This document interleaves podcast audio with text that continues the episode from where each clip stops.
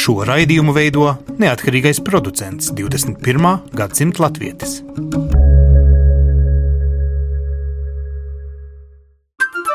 Lai kur mēs būtu, Lai kur mēs būtu, Lai kur mēs būtu, Lai kur mēs būtu, Tie esam mēs. tie esam mēs. mēs. Tie esam mēs. Mēs. Tas ir par mums. Tas ir par mums. tas ir par mums. Sveicināti raidījumā 21. gadsimta latvietis. Šodien uh, daudz runāsim par mūsu simtsgadi saistībā ar brāļiem Igauniem. Tādēļ, ka 24. februārī uh, cienījamie ziemeļu kaimiņi ir uh, pamanījušies vēsturiski dibināt un, starp citu, arī atjaunot savulaik savu neatkarību maz bišķiņ ātrāk nekā mēs iespējām. Protams, tam visam ir vēsturiski iemesli. Latvijā tajā brīdī vēl bija Krievu gan Vācu armija, Igaunija jau bija gandrīz brīva un tādēļ tauta izlēma proklamēt nenācās viegli. Pēc tam nācās vēl karot un atkarot gal galā arī daļu no Latvijas brīvības. Paldies Igauniem par to, un tādēļ šo raidījumu mēs veltīsim šīm saistībām gan ar latviešiem, gan tajā teritorijā, kur kādreiz gal galā jau sākot no Livonijas laikiem mēs patiesībā dzīvojām vienā valstī. Attiecīgi, ja tagad vēl dalāmies, tad agrāk neviens mūs tā nedalīja. Mēs satikām Ilzi. Ilzi, sveika, tu dzīvo Tartu, cik gadus esi iepriecējusies? Sveiki, Tartu. Es tagad dzīvoju 11. gadu. Aha, nu, un mīlestība tev ir atvezusi šeit, bet tēvzem tev ir Latvija, vai ne?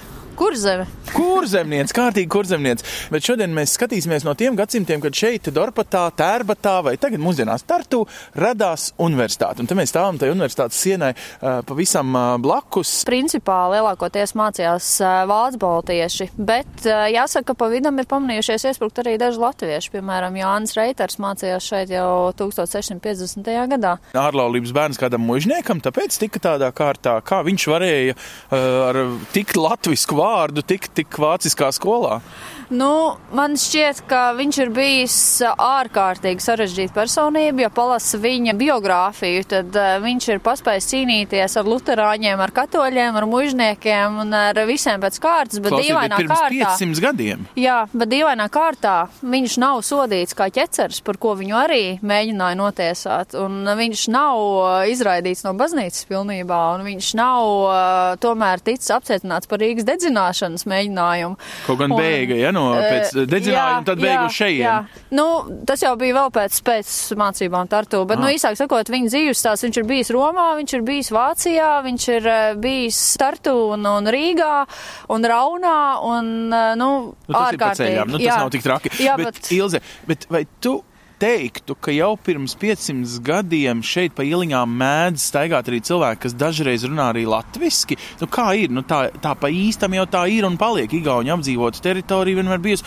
un latviešu nu, studentiņi vienmēr patvērās kaut kur kādā istabiņā zem jumta. Nu, jāsaka, ka Jānis Reiters šajā ziņā noteikti ir izņēmuma gadījums, nevis likumsakarība, jo pārvietošanās brīvība bija ļoti ierobežota, jo tomēr valdīja dzimbūšana visur. Un līdz ar to tas ir jā, tiešām vairāk tāds ārkārtīgi negaidīts pārsteigums nekā, nekā tāda ikdiena. Tā ir tā senākā sakne, Jā. tas pavadījums, ko jūs esat atraduši šeit, nu, Latviešu biedrībā Jā. Tartu.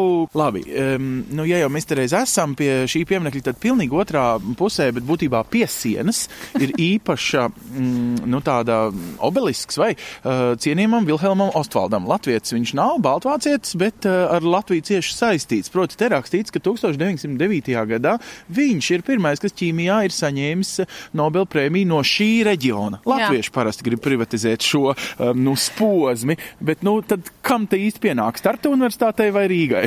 Nu, tad, kad ā, mēs šeit tiekamies ar, ar latviešiem, tad, protams, viennozīmīgi līdz Osvaldam ir jāatnāk, un tad vienmēr rodās šis jautājums, kurai tautai pieder Nobela prēmijas gods, jo viņš ir tātad, kā jau minēts, baltvācietis, tātad vāciešiem būtu savas tiesības, viņš ir dzimis Rīgā, tātad latviešiem viennozīmīgi ir sava daļa taisnības, bet viņš ir studējis šeit, un savas šīs ķīmijas zināšanas, pamatzināšanas iegūst šeit. Jānis Radiņš, Latvijas Zinātņu akadēmijas korifejs, viņš saka, nu jā, bet atklāja to savu atklājumu viņš tomēr Rīgā pēc jau mācībām.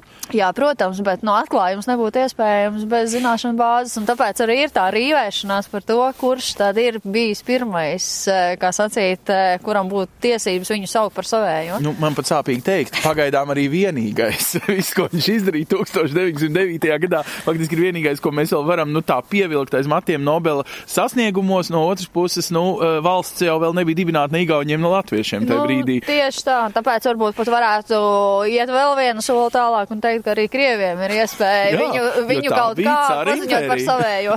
Protams, nu jā, nu dalīsim to nabaga Ostvaldu, lai viegls viņam smilts. 1932. gadā viņš eh, atļāvās doties uz labākiem medību laukiem. Tomēr eh, salīdzinājumā ar kopējo stāvokli Krievijas impērijā Tartu universitāte, kur tā tad tiek nodibināta 1802. gadā atkal, uh, ir salīdzinoši liels demokrātijas centrs. Šeit pirmkārt studijas ir vācu valodā, ir ļoti daudz profesori, tādi salīdzinoši brīvdomīgi. Viņus, tā kā viņi nav tik tuvu Krievijas impērijas centram, tad viņus eh, nav tik viegli arī izkontrolēt, un līdz ar to, teiksim, tādas brīvības gars šeit tomēr ir jūtami Nu, lielāks. Priekš pašas Krievijas apmēriem. Tartu no uh, Pēterburgas ir super tuvu. Jā, nu, tas ir jā, nu, nākamā lielā pilsēta būtībā, ja pleskavu neskait. Nu, tāpēc jau arī uh, iespējams bija tas uh, iemesls, ka viņi gribēja vēl pat Jelgavā, vēl, vēl mm. pāris simtus kilometrus uz priekšu pie tās Eiropas tuvāk, bet Pauls I, kurš bija Jelgavas atbalstītājs, kuram arī šo ideju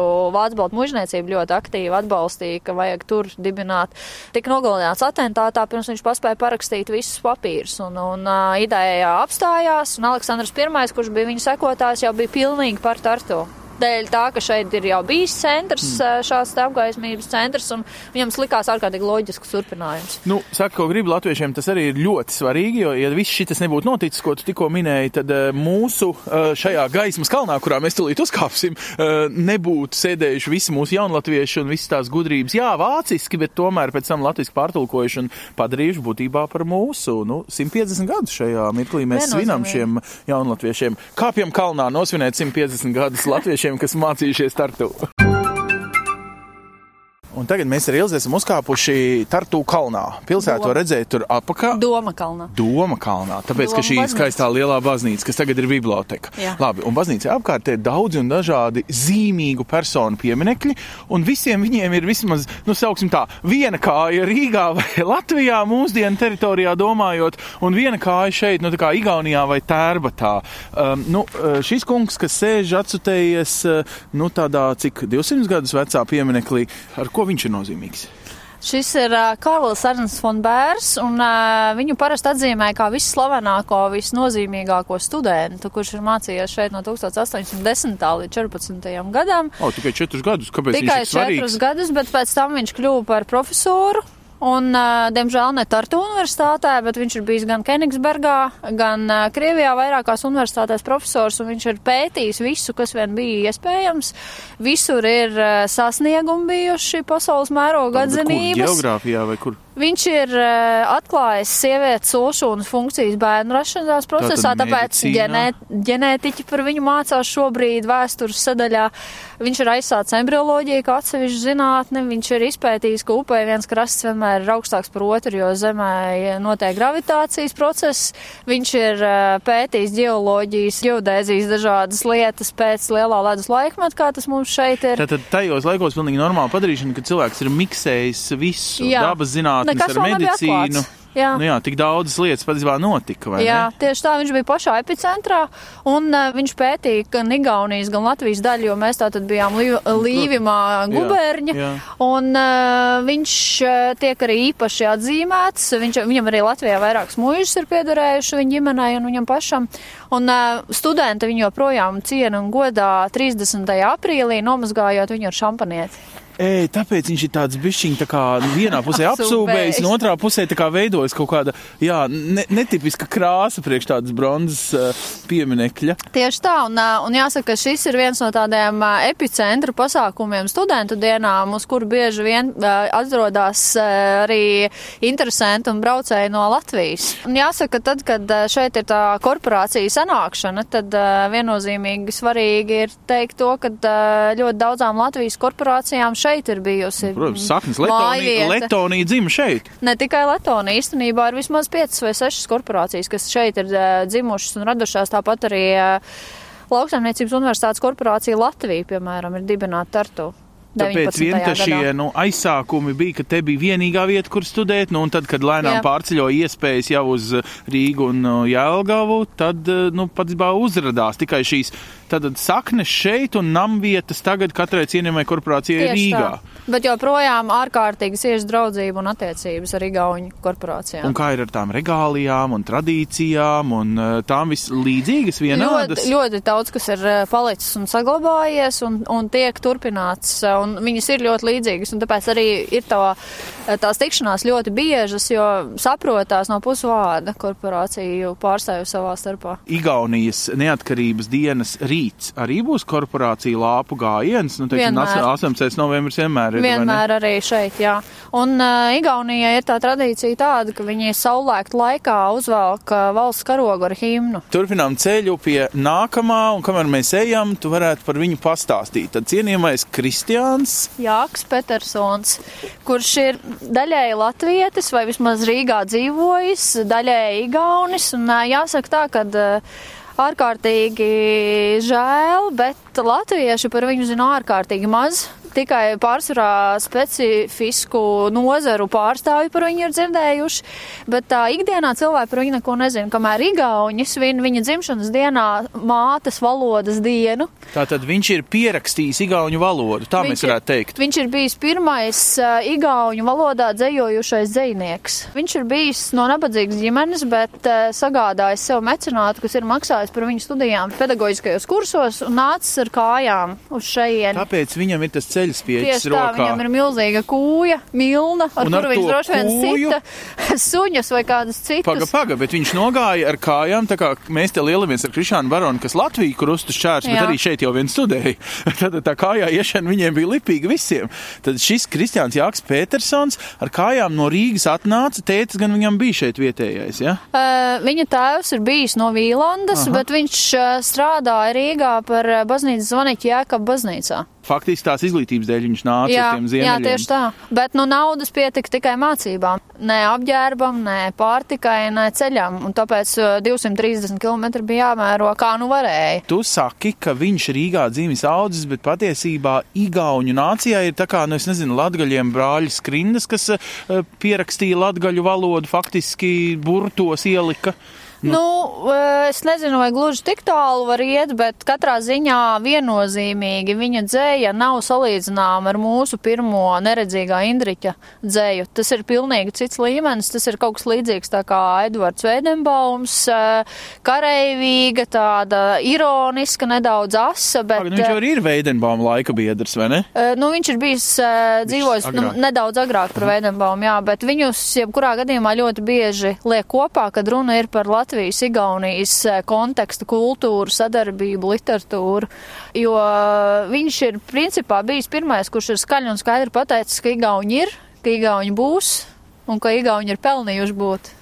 Nu, tātad viņš noformulēja to, ka šī tauta, kas pēc tam simts gadus vēlāk faktiski teica, Jā. hei, mēs gribam būt arī valsts. Jā. Jā, jā Igauni gan toreiz nedzīvoja atsevišķi trijās dažādās guberņās, kā uh, faktiski latviešiem nācās, vai ne, latgali Nu. no sākuma pievienot vai palūgt vai nāksiet kopā un tad dibināt uh, valsti. Te mēs ejam apkārt tagad uh, varenai baznīcai, kuras, uh, nu, trešā daļa uh, tagad ir uh, bibliotēka. Viņa vairs nav bibliotēka, bet bija ļoti ilgu laiku. Viņa bija bibliotēka no 1824. gada līdz pat uh, 1981. Paga, gadam. bet, nu, nu, tātad šeit bija baznīca laikā, kad jaunatvieši te, kā teikt, savas ķecerīgās idejas par bija, pašnoteikšanos domāju. Tad jau šeit bija bibliotēka. Ah. Jo jāsaka, ka baznīca ir milzīga, viens no lielākajiem gotikas paraugiem vispār visā Ziemeļa Eiropā. Bet, diemžēl, strādājas kā baznīca tikai apmēram 150 gadus. Kas tagad ir eh, šeit, kur tātad tu saki, grāmatas eh, sāka burtot visās iespējamās valodās arī mūsu jaunatvieši šī bibliotekā? Tieši tā, un ne tikai jaunatvieši šeit noteikti ir bijis gan Kronvalda Attis, gan Veidenbaums, gan arī jau vēlāk Alberts Kviesis, eh, gan arī dzen eh, citi revolucionāri un arī, piemēram, Jānis Enzelīns, Kārls Mīlenbaks, noteikti ir šeit bijuši Ernsts Felsbergs un eh, arī Jānis Osis, kurš kurš vēlāk piedalījās universitātes, Latvijas universitātes dibināšanā. Nu, to, ka te ir cilts māte kaut kam lielam priekš Latvijas, to es saprotu, ka mēs visu šo pusstundu tagad atkārtosim. Ā, muzejs tagad. Mēs Jā, pienācām tagad ir tuvāk, es varu izlasīt. Vēstures muzejs, un jāsaka, ka es esmu dzirdējusi no Janīnas Kursītes, kas šeit arī Jā. pat ir studējusi, ka iespējas ir bijis tiešām grandios sēdēt šī te ēkā kā bibliotēkā, jo šī baznīca saura nekur nav pazudusi. Tu gribi man vest iekšā? Ieejam. Ah, ejam iekšā. Baznīca cauri patiešām nav pazudus gotiski logi, gotiskas durvis. Nu, faktiski jau tās drupas vienā galā, nu šeit ir ideāli. Oh, un šis ir uh, cienījamais Enzelīns, vai?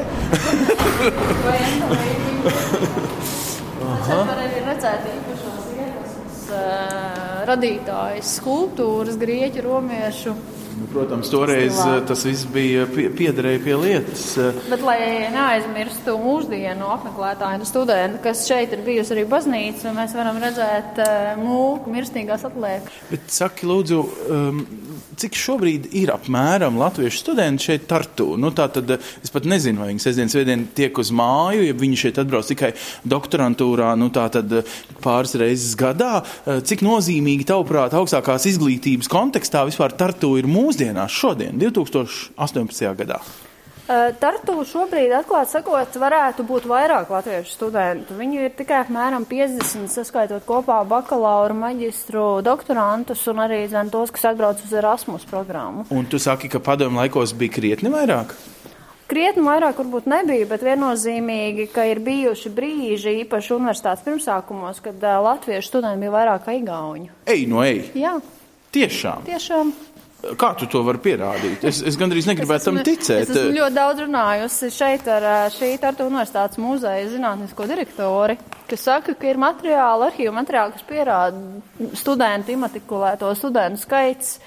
Paga, Latviešiem bija auglīgākas zemes, viņu tēviem bija vairāk naudas, viņi varēja savus redzot. dēlus sūtīt vienkārši. Acīm redzot, ka, ka tam ir bijis kaut kāds ekonomisks iemesls, ka mums ir bijusi iespēja vienkārši. Vai varbūt eh, nu, šie mužnieki ļāvās vairāk vispār kaut kam tādam, ka viņu bauri savus dēlus pēc zinībām sūtīs?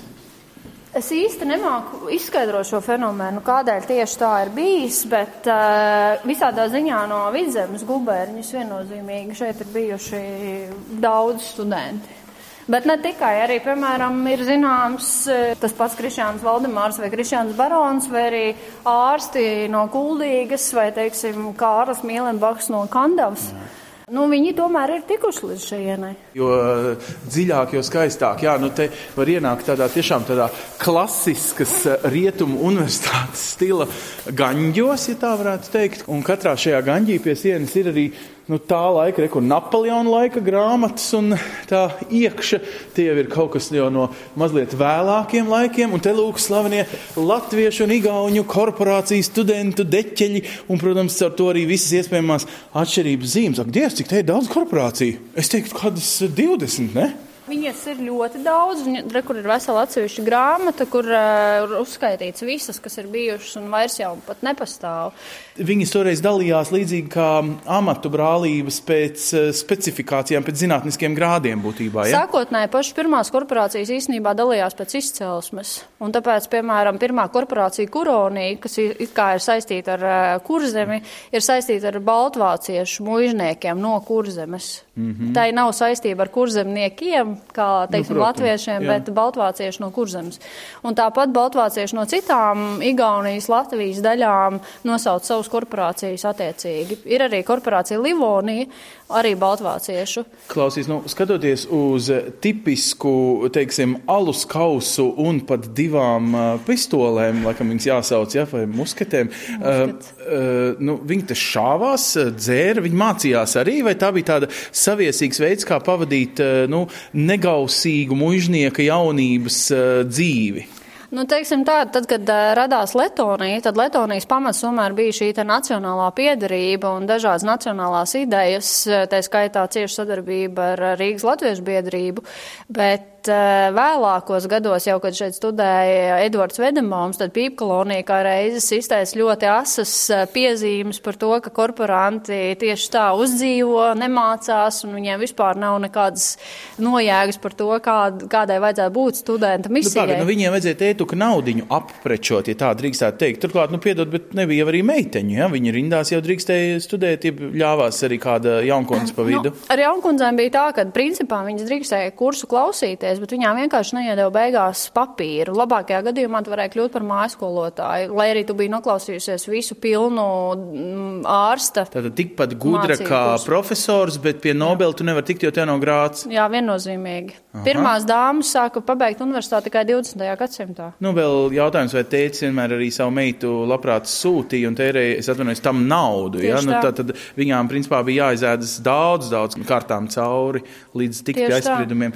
Bet kāda cienījama latviešu zeltene, kuru mēs varam citēt no tiem jaunatviešu laikiem, vai ne? Jaunatvieši visi bija bārdaini vīrieši. Jā, nenāk prātā neviena mm. dāma. Nē, esmu arī dzirdējusi. Nu jā, un tad tu saki, ka pusi no šiem studentu deķeļiem patiesībā arī šobrīd ir pa Latvijas ielām staigā, tad, kad ir studentu īstās dienas. Ja? Jā, tieši tā, jo ne tikai Letonija, bet vēl arī dažādas citas korporācijas šeit ir aizsākušas savus gaitas. Labi, esam ārā no bibliotekas un ejam tagad uz faktiski universitātes galveno ēku pa pusēji atpakaļ. Bet te ir viens Bet tilts. Mēs pirms čersosim eņģeļu tiltu, jo no eņģeļu tilta mums te paralēli var redzēt pāri observatoriju, mm -hmm. kas piederēja universitātei un kurā mācījās mūsu visnotaļ slavenais Krišāns Barons, jo viņš taču nebija nekāds filologs, kā jūs zināt, pēc izglītības, bet gan matemātiķis astronoms. Tiešām. Viņš saskatījās tik tālu zvaigznēs, ka saprata, ka nav nekas skaistāks par vienkāršām četrindēm paša tautā. Ja? Es esmu lasījusi un sapratusi to, ka iespējams viņš vispār nebūtu sācis nodarboties ar, ar tautas dziesmu vākšanu, ja viņu šī virzienā ļoti stingri nebūtu pavirzījis Krišāns Valdemārs. Pēterburgas periodā jau. Jo viņš, Valdemārs, bija visnotaļ svarīga persona Krievijas ekonomiskajās darbībās un dažādās institūcijās, bet viņš bija viennozīmīgi ārkārtīgi labs plānotājs un līderis. Viņš ļoti labi saskatīja tos cilvēkus, kas varēs izdarīt lietas. Tātad tā rūpība, ar kādu zvaigznes pētīja Krišāns Barons, likās kā izdarāma rakstura īpašība izdarāmam darbam tautsdziesmu mākšanai. No acīm redzot, jo Krišāns Barons arī jau pirms tam bija sarakstījis grāmatu par Latvijas geogrāfiju, par Livonijas guberņas geogrāfiju. Mm. Viņš bija izstaigājis krustu šķērsu. Viņš tā tad acīm redzot bija pierādījis, ka spēja uzsākt liels projekts un nobeigt liels projekts. Jā, skolas un, un jā, šo iedvesmu baronam. Jā, nevelti tagad viņi abi ir, es saprotu, kāpēc abiem ir paralēlas ieliņas, ne, Rīgā un abas galvenās diezgan. Nu, tieši tā, jo, jo teiksim, ja Valdemārs varbūt pats ja neskaita jūras skolu projektu, tad visus pārējos projektus viņš ir iedvesmojis izveidot citus. Bet viņš ir pratis šo iedvesmu tajos cilvēkos radīt. Vai nav arī tā, ka pats Tartu arī ir kļuvis par iedvesmu daudziem pēc tam vispār uzdrošināties tiekties uz eh, Pēterburgu? Eh, nu, proti, vai var teikt, ka Tartu ir, es atvainojos, bakalaurs un Pēterburga ir maģistrs vai doktors mūsdienu tādā zinātņu valodā domājot? Eh, kā tas ir, ja tur ir kaut kādas geogrāfiskas loģikas un konsekvences? Es domāju, ka tur uh, savu lomu spēlē gan geogrāfija, šī ļoti ērta atrašanās vieta, ka tu tiešām vari fiziski ar kājām aiziet uh, līdz šeit augstskolai, bet arī, protams, uh, tas, ka šeit mācījās ārkārtīgi ietekmīgi cilvēki un tu vēlējies iet šo cilvēku pēdās, jo ir skaidri zināms un lasāms, ka, teiksim, pēc Krišāņa Valdemāra katrs, kurš ir sācis šeit mācīties, pirmām kārtām ir meklējis viņu un, un centies tā tad arī paziņot par savu ierašanos, lai varētu kopīgai lietai pielikt uh, roku. Jā, bet uh, tā doma, ka daudzi no tiem, kas sāk tartu, pēc tam aiziet uz Pēterpili, tajos domāju, laikos tas ir tā kā divi līmeņi augstākās izglītības sasniegšanai. Nu, manuprāt, tas ir saistīts ar to, ka, lai tu saprastu, kas notiek tavā sētā, tev reizēm nākas uzkāpt augstākā tornī. Nu, protams, jā, tikai dzīvē, teikt, jāizbrauc vis tālākie ceļi, lai saprastu, cik forši ir tava māja. Tāpēc jau arī redzījums 21. gadsimta latvietis. Mēs stāstam par latviešiem pasaulē, gluži vienkārši tāpēc, ka mēs esam visur. Un te tagad ir ilgi ejot pa uh, Tartu vienu no ieliņām, kas ved no universitātes. Tu man ved uz universitātes galveno māju. Jā, tieši tā. Un... Mēs ejam pa pils ielu, uz kuras atrodas Elari mūzikas skola, kur uh, šobrīd arī strādā vairāk latvieši par mūzikas skolotājiem.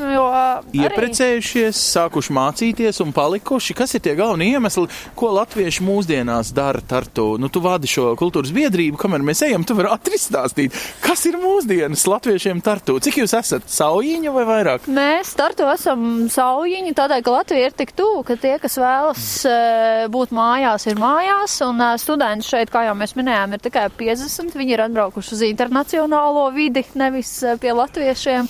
Viņi tad, nemaz neiekļaujās jūsu ne, tusiņā. Pa kādam reizēm uzrodās, bet principā viņi lielākoties ir uh, savā, savā bariņā.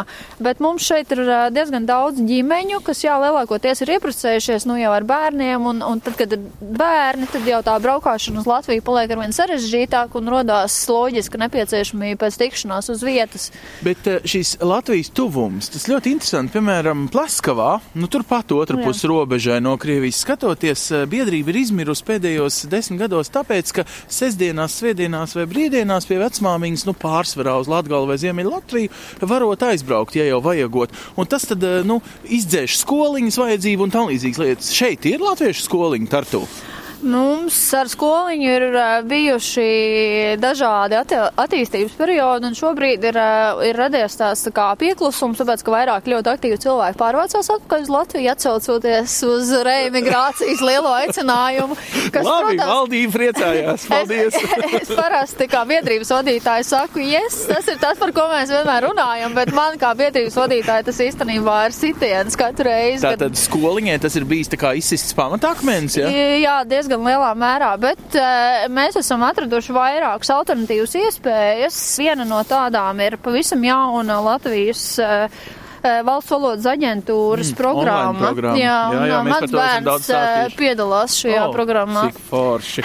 Un saki, koris, tautsdeja kolektīvs, kaut kas cits biedrībai vai teiz dzeršana reiz nedēļā? No pašiem pirmsākumiem Igaunijā koris ir bijis tādā īpatnējā situācijā, kad puse dziedātāja ir Tallinā un otra puse ir Tartu. O, oh, jūs varat dziedāt ar 100 km nobīdi, tā kā Eirovīzijā saslēdzās tiešraidē un aiziet? Nu jā, bet mēs neesam tikuši līdz tādām digitāliem risinājumiem. Varbūt, ka vajadzētu, jo ir tā, ka principā sanāk tā, ka ir tāds ansamblis Tallinā un ansamblis Tartu, un tad, kad mēs sanākam kopā, tad ir kurs. Nu, ko es varu pateikt, kopš tas jūsu kora diriģents Helsinkos un Tallinā patiesībā ir viens un tas pats un ceļo vienas nedēļas laikā ir pabijis gan Helsinkos, gan Tallinā, gan vēl Rīgā, tad es saprotu, ka atliek viņam tikai vienu līkumiņu 100 km uz startu nu, sākumā. Ilmārs visu šo te savu dzīvi šādi bija gatavs menedžēt tikai uz iepriekšējiem dziesmu cilvēkiem. Šobrīd viņš vairs nav tam gatavs, un mums ir cits diriģents, kurš tāpat braukās ar Tallinu un Tartu, un kurš arī ir pa pusē Latvijas, pa pusē, varētu teikt, Igauns vai, vai teiksim, Latvijas, kurš ir mācījies Igaunijā, un līdz ar to viņa ļoti stipri ir arī abas šīs te. Bet vai tāpēc, ka 100 km Tartu tālrunis attālums jau no Tartu līdz, teiksim, Valkai, tur kādu diriģentu atrast būtu tuvāk, ne? Bet Valkā nav jauktā kora. Ak, cik vienkārši izrādās. nu, labi, nu tagad mēs ejam pa lielajām skaistajām durvīm iekšā šai daudzu kolonu, sešu kolonu mājai Tartu Ulikoli Rigaunis Tartu. Universitātes Tartu Nesis, tātad Tartu Universitāte. Nu, Latvieši te katru dienu virinājuši durvis un kādu 50 virinu vēl tagad.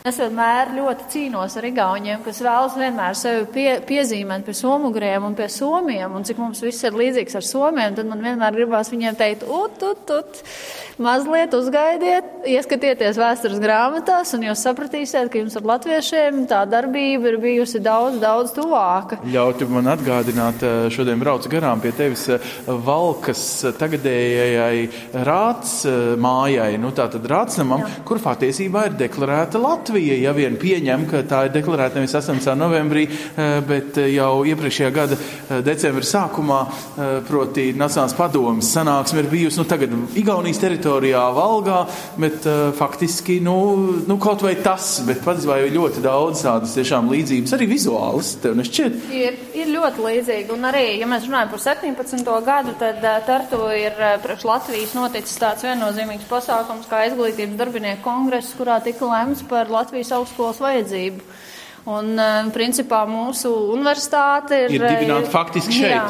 Idejiski šeit, no, no viennozīmīgi. Ilgi, ja mēs sākām par to, cik daudz igauņu nozīmē mūsu neatkarībai, mūsu smadzenēm, vai igauņi paši lepojas, un vai viņi līdz galam zina, kāpēc viņi toreiz gāja letiņiem palīgā, atkarot arī viņu neatkarību, jo pēc būtības jau bija skaidrs aptuvenās nacionālās robežas, ko tu tur cīnīties vidzemē.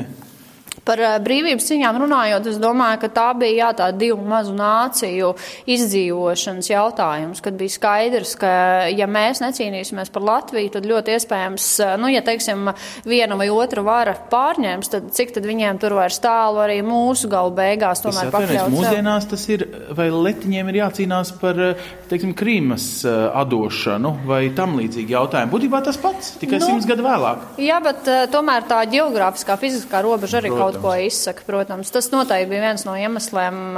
Un turklāt tās Latvijas un Igaunijas teritorijas robežas tomēr nu, bijušas nedaudz mainīgas un, un, un vienā pusē vairāk Latvijā, otrā pusē vairāk Igaunijā un tā tālāk. Bet nu, man jāsaka, ka, ka par Tartu universitātes nozīmi latviešu kultūrā Igauni zina ļoti maz atsevišķi cilvēki. Bet ne tā, ka viņiem būtu skaidrs, kāpēc latviešiem būtu jābrauc šeit uz universitāti skatīties. Nu, es domāju, ka daudziem latviešiem arī nav līdz galam skaidrs, ka mēs esam daudz gadsimtus pavadījuši faktiski vienotā valstī, pat ja ķēzari ir mainījušies, vai ne? Kaut gan nu, savas valodas prasmes tā arī neesam vienādojuši. Ļoti iespējams. Tagad mēs esam tādā īpašā koridorā. Kur tu mani ved? Mēs esam tagad pie um, ieejas uh, Tartu Universitātes mākslas muzejā.